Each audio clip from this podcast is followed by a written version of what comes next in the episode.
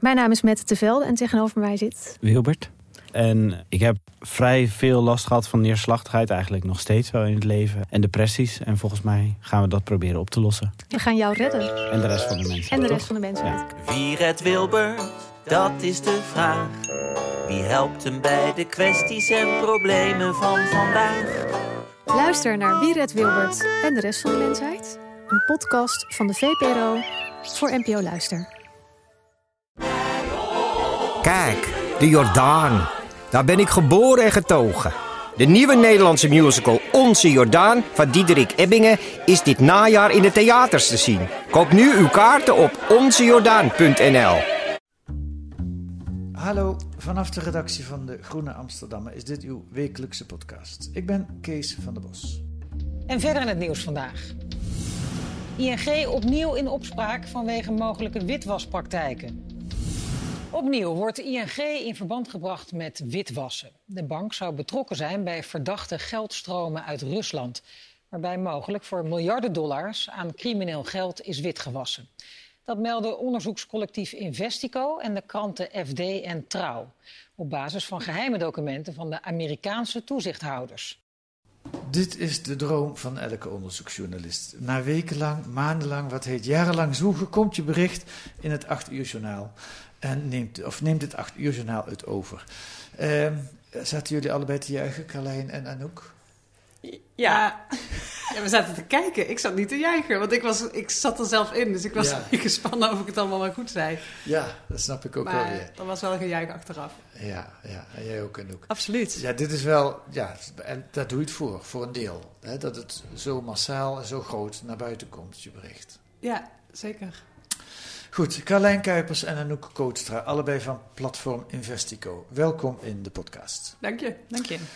Ehm, ik wil het eerst eigenlijk uitgebreid weten wat er allemaal achter de schermen is gebeurd. Dus ik, ik, ik heb al wel het een en ander gehoord. Anderhalf jaar geleden is er bij de ICIJ, de Internationale Organisatie van Onderzoeksjournalisten, eh, een, een tip binnengekomen, of eigenlijk bij BuzzFeed, maar die zijn erbij aangesloten en die hebben gezegd: We hebben zoveel documenten, we willen dat delen met, ik geloof wel 400 journalisten in, eh, in eh, bijna 90 landen. Nou, twee daarvan zitten er hier tegenover mij. Hoe, hoe werkt dat? Is I- Investico lid van het ICIG? Hoe, hoe komt dat bij jullie? Eh, dit was voor Investico het eerste project met ICIJ. Eh, ik ben lid. ICIJ werkt met lidmaatschap op persoonlijke titel, dus niet met mediaorganisaties. En ehm, eh, ja, een jaar geleden werden Trouw, het FD eh, en ik in Nederland gevraagd om, om mee te doen aan dit onderzoek. En omdat ik sinds een tijdje bij Investico in dienst ben, is Investico nu ook de eerste keer eh, als partner betrokken. Ah ja, het gaat dus via jou persoonlijk, jouw naam. Jij staat ingeschreven bij de ICIJ. Ja. En hoe komt dan zo'n... eh, wie kiest dan, want er zijn nog, zijn die 400 journalisten, alle journalisten die aangesloten zijn bij de ICIJ, of hebben ze dan al een keuze gemaakt? Dan hebben ze al een keuze gemaakt, want er zijn, eh, er zijn meer mensen lid. Ehm, Ja. En ze kijken bij elk project welke van hun leden in een bepaald land het meest, ja, volgens hen het meest geschikt zijn om dit onderzoek te doen. Ah. En in Nederland zijn de, de Panama Papers en de Paradise Papers, dus dit soort eerdere lekken, zijn altijd door Trouw en het FD gedaan. En ik was daar vanaf de Panama Papers ook bij betrokken, dus vandaar dat dit een beetje een, een vast team is geworden. Ja, Ja. oké. En was dat inderdaad anderhalf jaar geleden dat je dat eerste bericht kreeg? Nou, het kwam bij ICIJ anderhalf jaar geleden binnen. En in Nederland zijn we ongeveer een jaar geleden ingelicht. Dus toen werd ons gevraagd van willen jullie meedoen? Ja. En toen hebben we denk ik in november of zo vorig jaar een bijeenkomst gehad in, in eh, Hamburg. Waar we met een heel groot deel van de journalisten samenkwamen om eigenlijk ja, met het project te beginnen. En met elkaar te bespreken van wat zijn de grote onderwerpen. En ook om, om elkaar een beetje te leren kennen om, eh, ja, om verder te werken samen in het onderzoek. De Europese journalisten kwamen Nee, daar bij elkaar. Van het, de hele wereld. Van de hele wereld? Niet alle 400 hoor, Nee. maar er was van uit el- elk land een paar mensen. Oké. En dan staat er virtueel gezien zo'n bak met eh, bijna 3000 eh, documenten, geloof ik. Of hoeveel waren het er? Ja, 2600. Ja. Ja. Ehm, wat zijn dat voor documenten? Moet ik me daarbij voorstellen? Hier ligt een A4'tje voor mijn neus. Is, is het net zo ja, duidelijk? het is eh, een melding van een Amerikaanse bank aan de toezichthouder. Ehm, en ze melden Amerikaanse daarin, toezichthouder. Precies. Ja. En ze melden daarin verdachte betalingen. En dat document eh, heeft een standaard opmaak. Dus het begint met eh, de datum, de naam van de bank. En dan alle partijen die volgens hen verdacht zijn. De reden waarom ze verdacht zijn. En dan een heel textuele uitleg van wat ze dan allemaal zien. En wat er, ja, een onderbouwing van waarom het verdacht zou zijn. Oké. Wisten jullie al meteen... Ja, sorry, en ik kom dadelijk bij jou, maar we zitten nu nog in het begin. Wisten jullie al meteen van, nou, dit gaat iets groots worden? Of kan het dan eigenlijk ook nog helemaal floppen? Dat het allemaal leuke documenten zijn. Dat ja, wat moeten we ermee? Ja, dat, dat had gekund. Er zijn best wel wat landen die zijn gevraagd om mee te doen. En die hebben uiteindelijk geconcludeerd van ja, van ons land zit er niet echt wat in. Maar we wisten wel dat de aard van de documenten super interessant was. Van het is, elke melding is, is een mogelijk onderzoek. Omdat Ja. elke melding gaat over verdachte dingen. Dus, dus we hadden wel door dat het zeker explosieve gegevens waren. Ja. En eigenlijk is het ook wel zo dat in elk financieel internationaal onderzoek Nederland altijd een grote rol speelt. Dus wat dat betreft is het prijsschieten voor ons. Ja, wij zijn gewoon eh, een beetje het Panama van Europa, zou ik maar zeggen. Een groot Ja. financieel centrum, Ja, wat ook allerlei dingen aantrekt die niet Precies. deugen. ja. Had je meteen al toen het vermoeden dat er zoiets uit zou komen als er nu uitgekomen is? Kun je dat nog herinneren? Nee, want in het begin heb je eigenlijk je hebt werkelijk geen idee. Je, meestal begin je een onderzoek met een hypothese en best wel een idee wat het verhaal gaat worden. En hier begin je andersom. Hier begin Ja. je met een bak data waar je geen idee hebt wat eruit gaat komen. Ja. Ehm, nee, dus we hadden echt geen idee. Ehm, en dat begint dan, ja, je begint dan gewoon alle Nederlandse links door te lopen. En langzaam kwam dat beeld naar boven van, oh, het is steeds ING. En oh, het is steeds Rusland. ja. Wacht even, ik wil nog even terug naar... Want je zegt, je begint dan met het onderzook. Ik neem aan, je overlegt eerst met Jeroen, je hoofdredacteur. Zal ik dit gaan doen of, of gaat dat niet zo? Ja, maar dat was een kort overleg.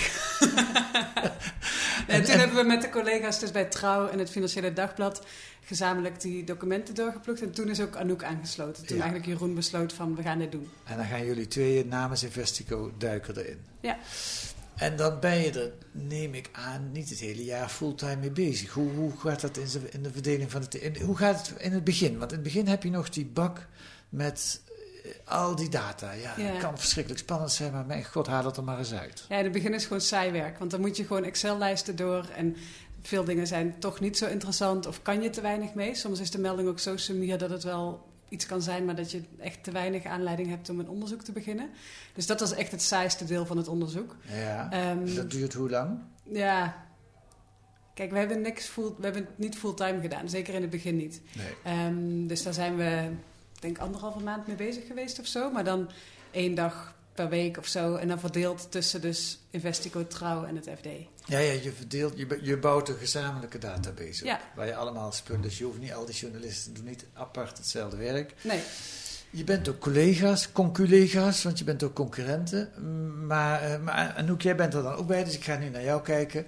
Ehm, ehm, is er van begin af aan eigenlijk ook al een afspraak over wanneer gaan we publiceren? Of hoe spreken we dat af? Ja, die, eh, die datum was eigenlijk al vrij snel bekend. Die is natuurlijk op een gegeven moment verschoven vanwege alle coronamaatregelen. Oké, maar je hebt dan een soort streefdatum, Ja, spreek je af. precies. Dus je, je kunt een beetje van tevoren plannen. Dus Ja. je weet wanneer je, wanneer je verhalen moet gaan maken. Maar ik vond het begin eigenlijk helemaal niet saai, als ik, nu, eh, als ik dat zo mag zeggen. ik vond het echt heel spannend, want je hebt allemaal documenten. En, er zit, en elke, elk document is, is potentieel eh, heel spannend. Dus ik vond het eigenlijk heel, eh, heel leuk, dat begin. Dat je dus al die documenten moet doorspitten. En, eh, nou ja, en dat je dan steeds dingen tegenkomt die dan mogelijk interessant zijn. Ja Carlijn, je had het allemaal al eens eerder gedaan. heeft allemaal eerder dat klinkt de oudere Nee, ik, bedoel eigenlijk dat de, de, de, de stappen daarna vond ik spannender. Ja, oké. Oké. Heel politiek antwoord, hè? Ja, heel goed. Maar het maakt niet uit. Het verschilt ook per persoon en hoe je erin zit, hoe je zoiets meemaakt. Dat kan ik me best voorstellen. Ehm, wanneer, dus dan begin je in november, december, januari, februari. Wanneer kregen jullie het gevoel, hebbes, dit gaat iets worden? Weet je dat nog? Nou, ons belangrijkste verhaal, ons belangrijkste nieuwsverhaal waar we op zondagavond mee kwamen, dat ging over de rol van ING Ja. Polen in een groot Russisch witwasschandaal. En dat Ja. hadden we eigenlijk in november, hadden we dat al wel op de radar. Echt Want er was een Nederlands trustkantoor bij betrokken, dat kenden we uit eerdere onderzoeken. Eh, die die eh, heet Tristaan en Schildershoven. Ja, dat Tristan en Schildershoven zijn twee Nederlandse brievenbusbedrijven. En die worden in Nederland beheerd door Bridge. Dat is een, eh, of, ja, is een, een juridisch adviesbureau. We waren hen ook in de Trojka Laundromat al tegengekomen. Dat is een eerder onderzoek ook naar Russisch witwassen. Ja, dat Dus daarvan dachten we van, nou, dat kan wel eens wat worden. Die bridge, die naam bridge was je al eerder Ja. tegen. Ah, Ja. ja. En ook ING Polen waren we in eerdere onderzoeken al tegengekomen. En dat, daar hebben we nooit over gepubliceerd, maar dat, dat zat bij ons nog in het achterhoofd van, daar moeten we een keer wat mee. Ja. En dit was dus, hier hadden we snel door dat het, dat het interessant was, maar we hadden niet, niet, ik denk dat we pas een paar maanden geleden door hadden hoe, hoe, wat voor centrale rol ING speelde in dat witwasverhaal. dat de Poolse ING met name Ja. spelen. Ja, de Ja. Nederlandse ING valt ook wel wat te verwijten, maar het, het hoofdnieuws, het eerste hoofdnieuws was vooral via die Poolse vestiging. Ja. Ehm, dus dat had je eigenlijk al vrij snel. Eh, wie, ja, dan heb je dus jullie zijn ermee bezig, twee collega's van het Financieel Dagblad zijn ermee bezig en twee collega's van Trouw, Jan Klein Nijhuis onder andere, die ook al wat eerder Panama Papers eh, Ja. gedaan heeft. En Paradise Papers volgens Ja, mij ook. Ja, ehm, ehm, hoe gaat dat? Hebben jullie dan een soort chatbox waarin en dan ga je. eh, wie, wie zag als eerste de ING? Laat ik eens wat vragen. Ja, dat was denk ik in november of zo. Toen zat ik nog bij Trouw met Jan Kleinijhuis in een hokje te speuren. En toen kwamen we dat voor het eerst tegen. Ehm, en hoe we verder tot de, tot de verhalen zijn gekomen die we nu, waar we nu over schrijven... is dat we ehm, gewoon lijsten verdeeld hebben. Van jij zoekt de eerste 50, dan de ander doet 50 Ja. tot 100. En Ja. zo kwamen we tot een paar mogelijke verhalen. Daar overleg je over en zo trechter je eigenlijk steeds meer. Snap ik. En maak je met al die internationale journalisten en de Nederlandse collega's ook strategische afspraken? Ja, we spreken af wanneer welk verhaal komt. Dus we hadden bijvoorbeeld een verhaal over Roman Abramovic. Ja. En de BBC schreef ook over hem. En toen hebben we afgesproken van... eh, we wachten allemaal tot maandagavond met het publiceren van die naam. Ja. Dus zo maak je strategische afspraken. Ja, maar ook over eh, als je aan het onderzoeken bent. Eh, Je hebt de neiging om meteen te gaan bellen naar mensen. Ja. of Zo. De, de basisafspraak is dat iedereen in elk land... Dus wij als journalisten in Nederland zijn de eerste die Nederlandse partijen mogen be- benaderen. En, en zo geldt het voor elk land. Ja. Ik denk dat we in het onderzoek veel strategisch hebben samengewerkt met de mensen in Polen. Eh, want we schreven dus over ING Polen. En er zaten ook Poolse journalisten in het Ja. netwerk? Oké. Ja. Ehm, en wij interviewden bronnen en zij vertelden er is een enorm conflict tussen ING Polen en ING Nederland op het gebied van anti-witwasmaatregelen. Wisten zij. Nou, dat wisten wij vanuit Nederland. Wij hadden hier mensen gesproken. Ja. Ehm, en dat was, dat was heel interessant, want het, voor ons was het nog steeds een raadsel waarom die witwasstromen via ING Polen konden Ja. lopen. En hier hadden we een deel van het antwoord. Ja, ah, ja. En toen hebben die mensen in Polen dat gecheckt. En hebben we ook eerst wederhoor gevraagd bij ING Polen. In de hoop dat zij zich een beetje zouden verdedigen en dingen zouden loslaten die we niet zouden krijgen als we meteen alles naar het hoofdkantoor zouden sturen. En dat is eh, deels gelukt. Ja. Deels. Nou ja, we hadden natuurlijk altijd meer willen krijgen. Maar we Ja. hebben zo wat dingen losgekregen. Maar, maar weet je nog, kun je nog een detail noemen wat je dan van Polen wel kreeg, wat je anders niet gekregen zou hebben? Of? Ehm, nou, via de Poolse collega's hebben we uiteindelijk te horen gekregen dat zij eigenlijk het hoofdkantoor veel te streng in de leer vonden. Eh, en dat was heel boeiend, want wij schreven dat er zo'n enorm conflict was tussen die twee. Toen deden we wederhoor en zei ING Nederland nee, alles koek en ei. En ING Polen zei dat ook. Maar door samenwerking met die Poolse collega's konden we Ja. het toch weer een beetje ontkrachten. Ja, want in werkelijkheid staat in het artikel beschreven, heeft ING Nederland een groot probleem met die Poolse vestigingen. Ja. Een eigenwijze directeur en die trekt zich niet zoveel aan van alle richtlijnen. Ja. Nou ja, dat blijkt ook wel, want nu zit ING geweldig in de problemen, met name via die Poolse vestiging. Ja. Ehm, Anouk, voor jou was het de eerste grote eh, leaks die je meemaakte. Ehm, eh, vertel eens, ben jij überhaupt financieel geschoold? Snapte je er meteen iets van? Of heb je heel veel van, oh, in het begin op Calais moeten leunen? Hoe werkt dat? Ja, eh, het was inderdaad de eerste keer. Ik heb heel veel van, eh, van Carlijn geleerd. Ehm, maar ik ben op zich niet per se eh, bang voor data. Dus ik, ik doe bij Investico veel, eh, veel data-onderzoeken. Ja, veel met cijfers. iets dichter bij je Ja. mond als je wil. Ja. Ik werk veel met cijfers bij Investico, dus dat, dat, dat ligt me op zich wel. Ja. Maar ik ben niet, niet per se financieel geschoold. En het was de eerste keer deze leaks. ja. Maar ik ben er met enorm enthousiasme in gesprongen. En ik dacht, ja, nou, ik vond het echt een, een heel, heel bijzonder en spannend onderzoek. En wat is voor jou het meest bijzondere, ja, als je, het hele, onder- als je er naar kijkt, om eh, daaraan mee te maken? Aan de internationale samenwerking, samenwerking in Nederland. Wat, wat, wat heeft op jou het meeste indruk gemaakt? Ja, ik denk dus precies inderdaad die samenwerking. Je, je maakt niet zo heel vaak mee in je leven dat je met mensen van over de hele wereld samenwerkt aan, en eigenlijk één doel hebt. En dat het dan lukt. En Ja. dat het lukt om alles te coördineren. En dat je echt, eh, nou ja. Eh, nou ja, bijvoorbeeld ook dat het is gelukt dat, die, dat, die, dat, het, dat er niks is uitgelekt. Dus dat het gewoon lukt om met z'n allen zo aan één zo'n project te werken. En eh, ja, dat je dat met, met, met 400 mensen van over de hele wereld doet. Dat is echt, Ja. echt uniek. Dat is ook wel knap, zeker omdat journalisten zijn en dat het dan toch geheim blijft. Is dat ook gelukt? Of hebben jullie signalen gekregen op een gegeven moment dat er wel, dat er toch hier en daar, eh, ja, op een gegeven moment als je weerwoord gaat vragen, dan krijg je bijvoorbeeld zo'n signaal. Dan, dan door het vragen van weerwoord licht je partijen ook in over het feit waar je mee bezig bent. Ja, dat is wel gebeurd, maar de journalisten hebben allemaal gewacht tot het uur waarop we mochten publiceren. Ehm, dus eh, we schrijven over FinCEN, dat is de Amerikaanse autoriteit waar die stukken vandaan komen. En zij brachten een week voor publicatie al naar buiten dat er een, eh, dat er een lek was en dat het niet mocht om dit soort dingen te publiceren en naar buiten te brengen. Dat was naar aanleiding van wederhoor, maar dat is, Ja. dat is geen Ja. probleem. Nee, nee, daarmee is nieuws ook nog niet weg. Nee, helemaal. Integendeel, Nee. wordt, wordt meer op de trommel geslagen van er gaat iets Ja, komen. Ja, ja. Ehm, dan heb ik iets gehoord over de weerstand die jullie tegengekomen zijn. Dus dat er nogal wat advocatenbrieven, vooral de laatste weken heb ik begrepen, binnengekomen zijn. Ik kijk naar jou en ook. Wat, wat moet ik me daarbij voorstellen? Wie stuurt er dan zo'n brief? Ja. ING zelf? Of?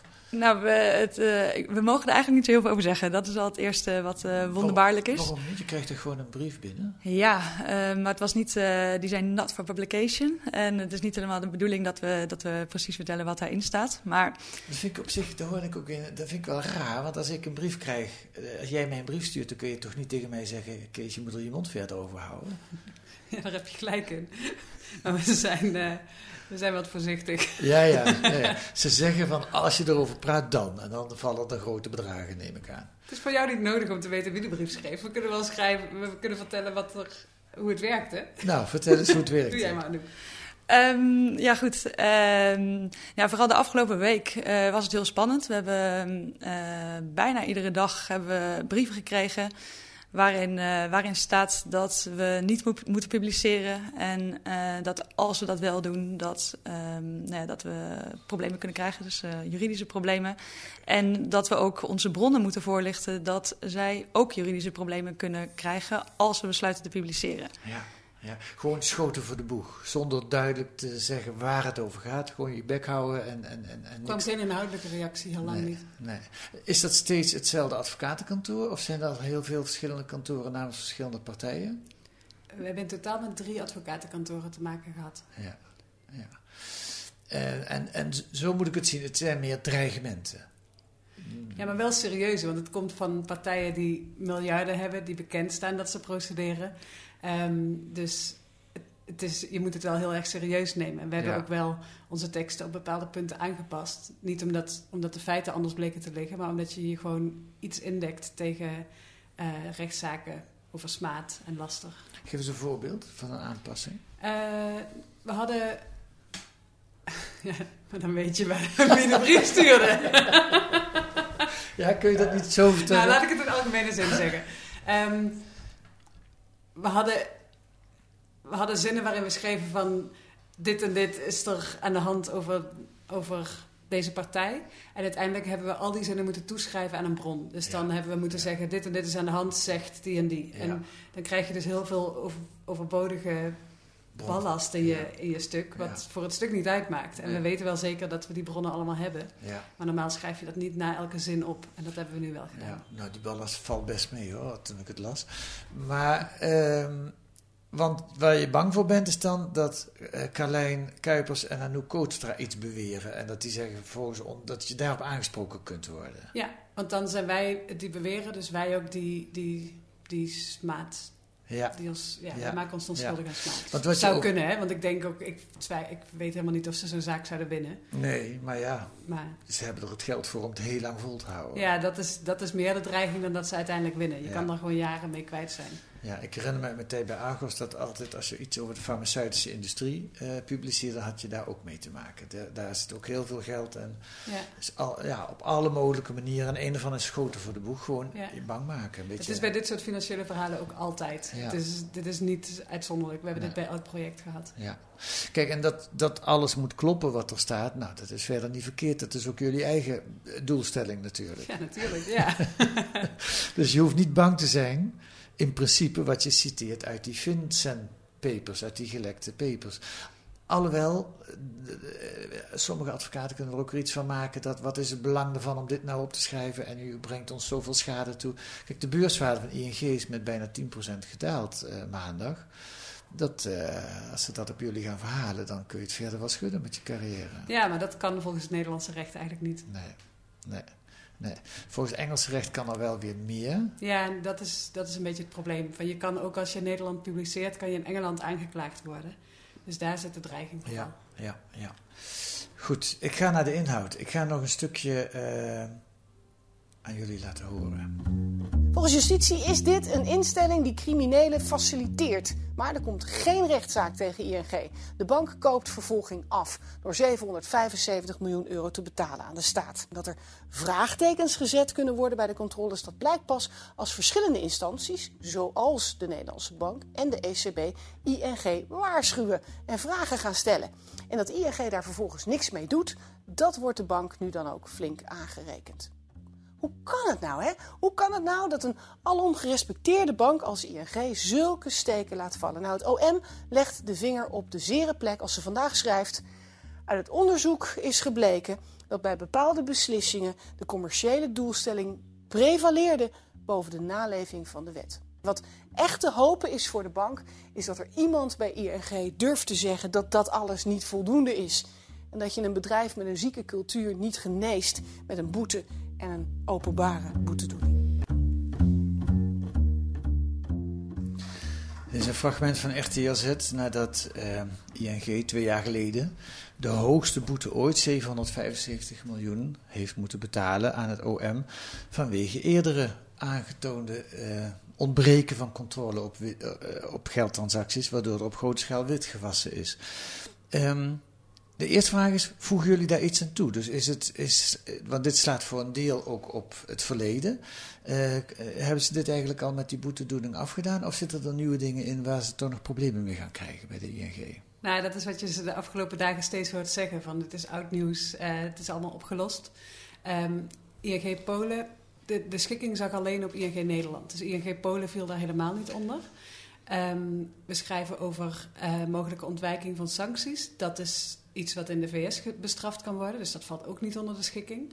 En we hebben ook, maar dan buiten de data, hebben we best wel veel onderzoek gedaan naar hoe het nu staat bij ING. En we hebben veel mensen gesproken die zeggen van het lukt ons nog altijd eigenlijk niet om, om dit soort controles goed te doen. Ze hebben wel sinds twee jaar geleden of drie jaar geleden, toen dat naar buiten kwam, veel nieuwe mensen aangenomen en een Ja. afdeling opgetuigd. Maar lees ik in jullie stuk, ze slaan toch soms overduidelijke waarschuwingen op een onbegrijpelijke manier in de wind. Anouk? Ja, ik denk dat het ook gewoon heel moeilijk is. We leggen een hele grote verantwoordelijkheid bij, eh, bij banken om dit allemaal te zien. Zij worden de politie eigenlijk. Zij moeten die verdachte transacties opsporen. Ja, en dat is best wel ingewikkeld. Want ehm, kijk, je vraagt eigenlijk van banken om heel veel geld te investeren. Om vervolgens misschien hele lucratieve klanten buiten de deur te houden. Dus dat is natuurlijk niet echt een, een goede situatie. Of het is niet echt goed Nee. wat, iets goeds wat je dan van banken vraagt. Nee, Nou, je hoort het Openbaar Ministerie ook zeggen van de winst ging boven het je aan de wet houden. ja, Maar die schikking was de eerste keer dat een bank in Nederland voor zoveel geld gestraft is. Daarvoor was het een boete van een half miljoen of een miljoen en een, een waarschuwing van de Nederlandse bank. Dus ja, het was vanuit het perspectief van ING best wel logisch om, om het maar gewoon te laten zitten. Want het Ja. risico was er niet. Ja. En ja, da- daar valt het OM misschien ook wat te verwijten. maar uit jullie onderzoek blijkt dat ze weliswaar hun best doen, maar dat ze er nog lang niet zijn. Ook nu niet. Klopt, klopt. En ING is daar ook niet de enige in hoor. Van, Nee. Het geldt voor eigenlijk alle banken, eh, of bijna allemaal. Het lukt ze allemaal niet. En uit het onderzoek van ICIJ in die Vincent-files bleek ook dat ook in de VS en in Engeland heel veel banken beboet zijn met echt hoge straffen. En dat ze daarna gewoon opnieuw in de fout gingen. Ja. Zolang de boetes nog lager zijn dan de winst, uh, is er natuurlijk een incentive, zoals dat heet, om ermee door te gaan. Behalve de reputatieschade, die natuurlijk ook enorm is voor de ING op dit moment. Ja, ja. Um, maar wat jij zegt, Anouk, we maken van die banken de politie. Maar ja, hoe zou het anders moeten kunnen. Ja, ik heb wel een idee trouwens, het staat ook in jullie artikel, de toezichthouders. Maar ja, daar zijn jullie ook niet echt verder mee gekomen. Wat voor toezichthouders heb je? De AF, Autoriteit Financiële Markten? Ja, het is een hele weerwaar aan toezichthouders en dat is ook meteen het probleem. Ja. Want op verschillende onderwerpen die we beschrijven, weten ze eigenlijk zelf niet hoe het toezicht geregeld moet zijn. Nee, de ene dus- keer werden jullie verwezen, dan moet je bij de Nederlandse bank zijn. En de Nederlandse bank weer, nee, je moet bij de Autoriteit Financiële Markten zijn. Precies. Kijk, ik denk dat het, als je een beetje uitzoomt, dat in Nederland het probleem is dat we een enorme financiële sector hebben gemaakt. Uh, we hebben fiscale uh, regels gemaakt die het voor bedrijven heel aantrekkelijk maken om via Nederland te bankieren. Maar het toezicht hield geen pas. En het is de vraag of je dat ook moet willen. Want dan krijg je echt ja, kantoren van duizenden toezichthouders. Ik weet niet of dat nou het beste is. Maar wat duidelijk is, is dat, dat het alleen aan banken overlaten, dat dat niet werkt. Nee. Nee, nee, nee, uiteindelijk zijn de toezichthouders degene die er echt belang bij hebben om het op te sporen, want die zijn ervoor. Ja. Tot slot, nog een laatste opmerking die jullie maken. Uh, jullie trekken namelijk nog een andere best wel opmerkelijke conclusie in je artikel. Uh, dit lek, staat er letterlijk, toont eens te meer aan dat de strategie van toenadering door wederzijdse afhankelijkheid, en dan hebben we het over, ik zeg ik even tussendoor, Russische economie en een uh, westerse economie, aan grondige herziening toe is. Leg eens uit, hoe komen jullie tot die conclusie? En ook.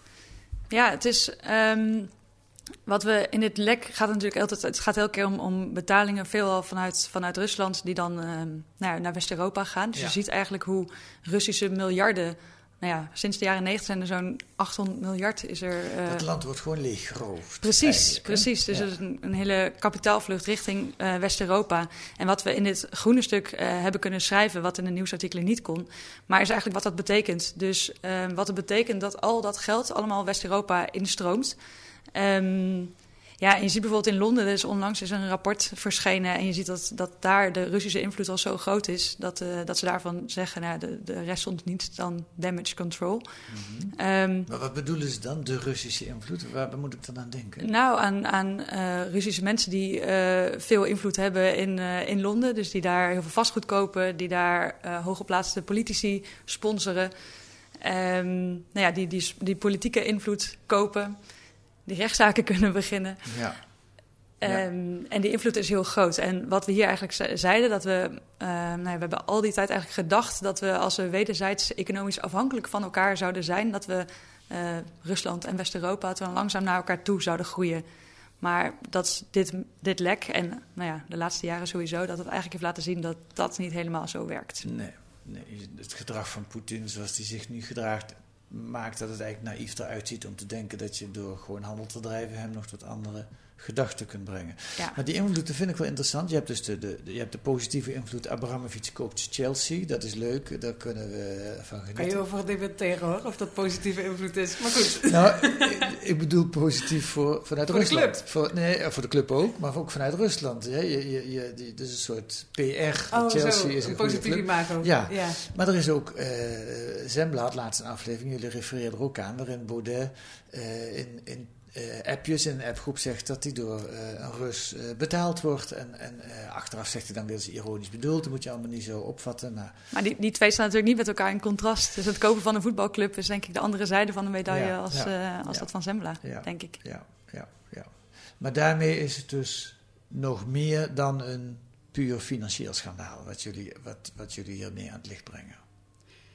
Ja, ik denk dat het... Dat het gaat om de manier waarop je naar dat soort geldstromen kijkt. Want um, in eerdere onderzoeken ging het heel erg om uh, dat het oneerlijkheid of ongelijkheid in de hand werkt, dat het Rusland leegroven is. En langzaam zien we met de Russische beïnvloeding van de Amerikaanse verkiezingen, het feit dat Rusland zich inkoopt in de conservatieve partij in Engeland, zie je dat uh, de laatste jaren ja, dat ze meer proberen om politieke invloed uit te oefenen. En dat is denk ik ook de, de lens waardoor je naar, naar dit soort grote betalingen moet kijken. Het is niet alleen vanwege, omdat witwassen verboden is, dat het een probleem is. Nee.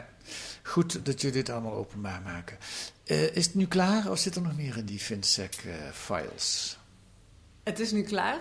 tenminste, we hebben de artikelen gepubliceerd die op de plank lagen, maar kijk, die documenten die blijven beschikbaar. Dus we gaan in elk onderzoek wel weer even kijken of, uh, of er wat in zit. Ja, ja zo hebben de Wikileaks ook uh, nog jarenlang, en misschien nog steeds wel, uh, een goede bron van informatie om dingen te checken als je met nieuwe verhalen bezig was. Dankjewel Anouk Kootstra en Carlijn Kuipers van Investico.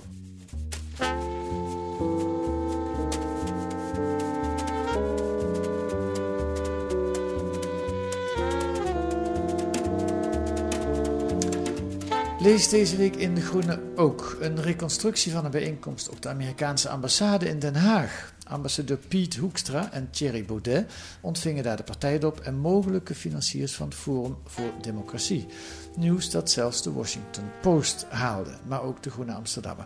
En een reportage over het nieuwe Amsterdam aan het ei bij de oude NDSM en SDM-werf NSDM? NDSM. Ja, NDSM staat hier verkeerd. Ontstaat een creatieve maakstad met wortels in het verleden. Dat kunt u lezen met een abonnement of een proefabonnement. Ga dan naar groene.nl. Dan leest u hoe u drie maanden de groene kunt krijgen voor 30 euro. Groene.nl.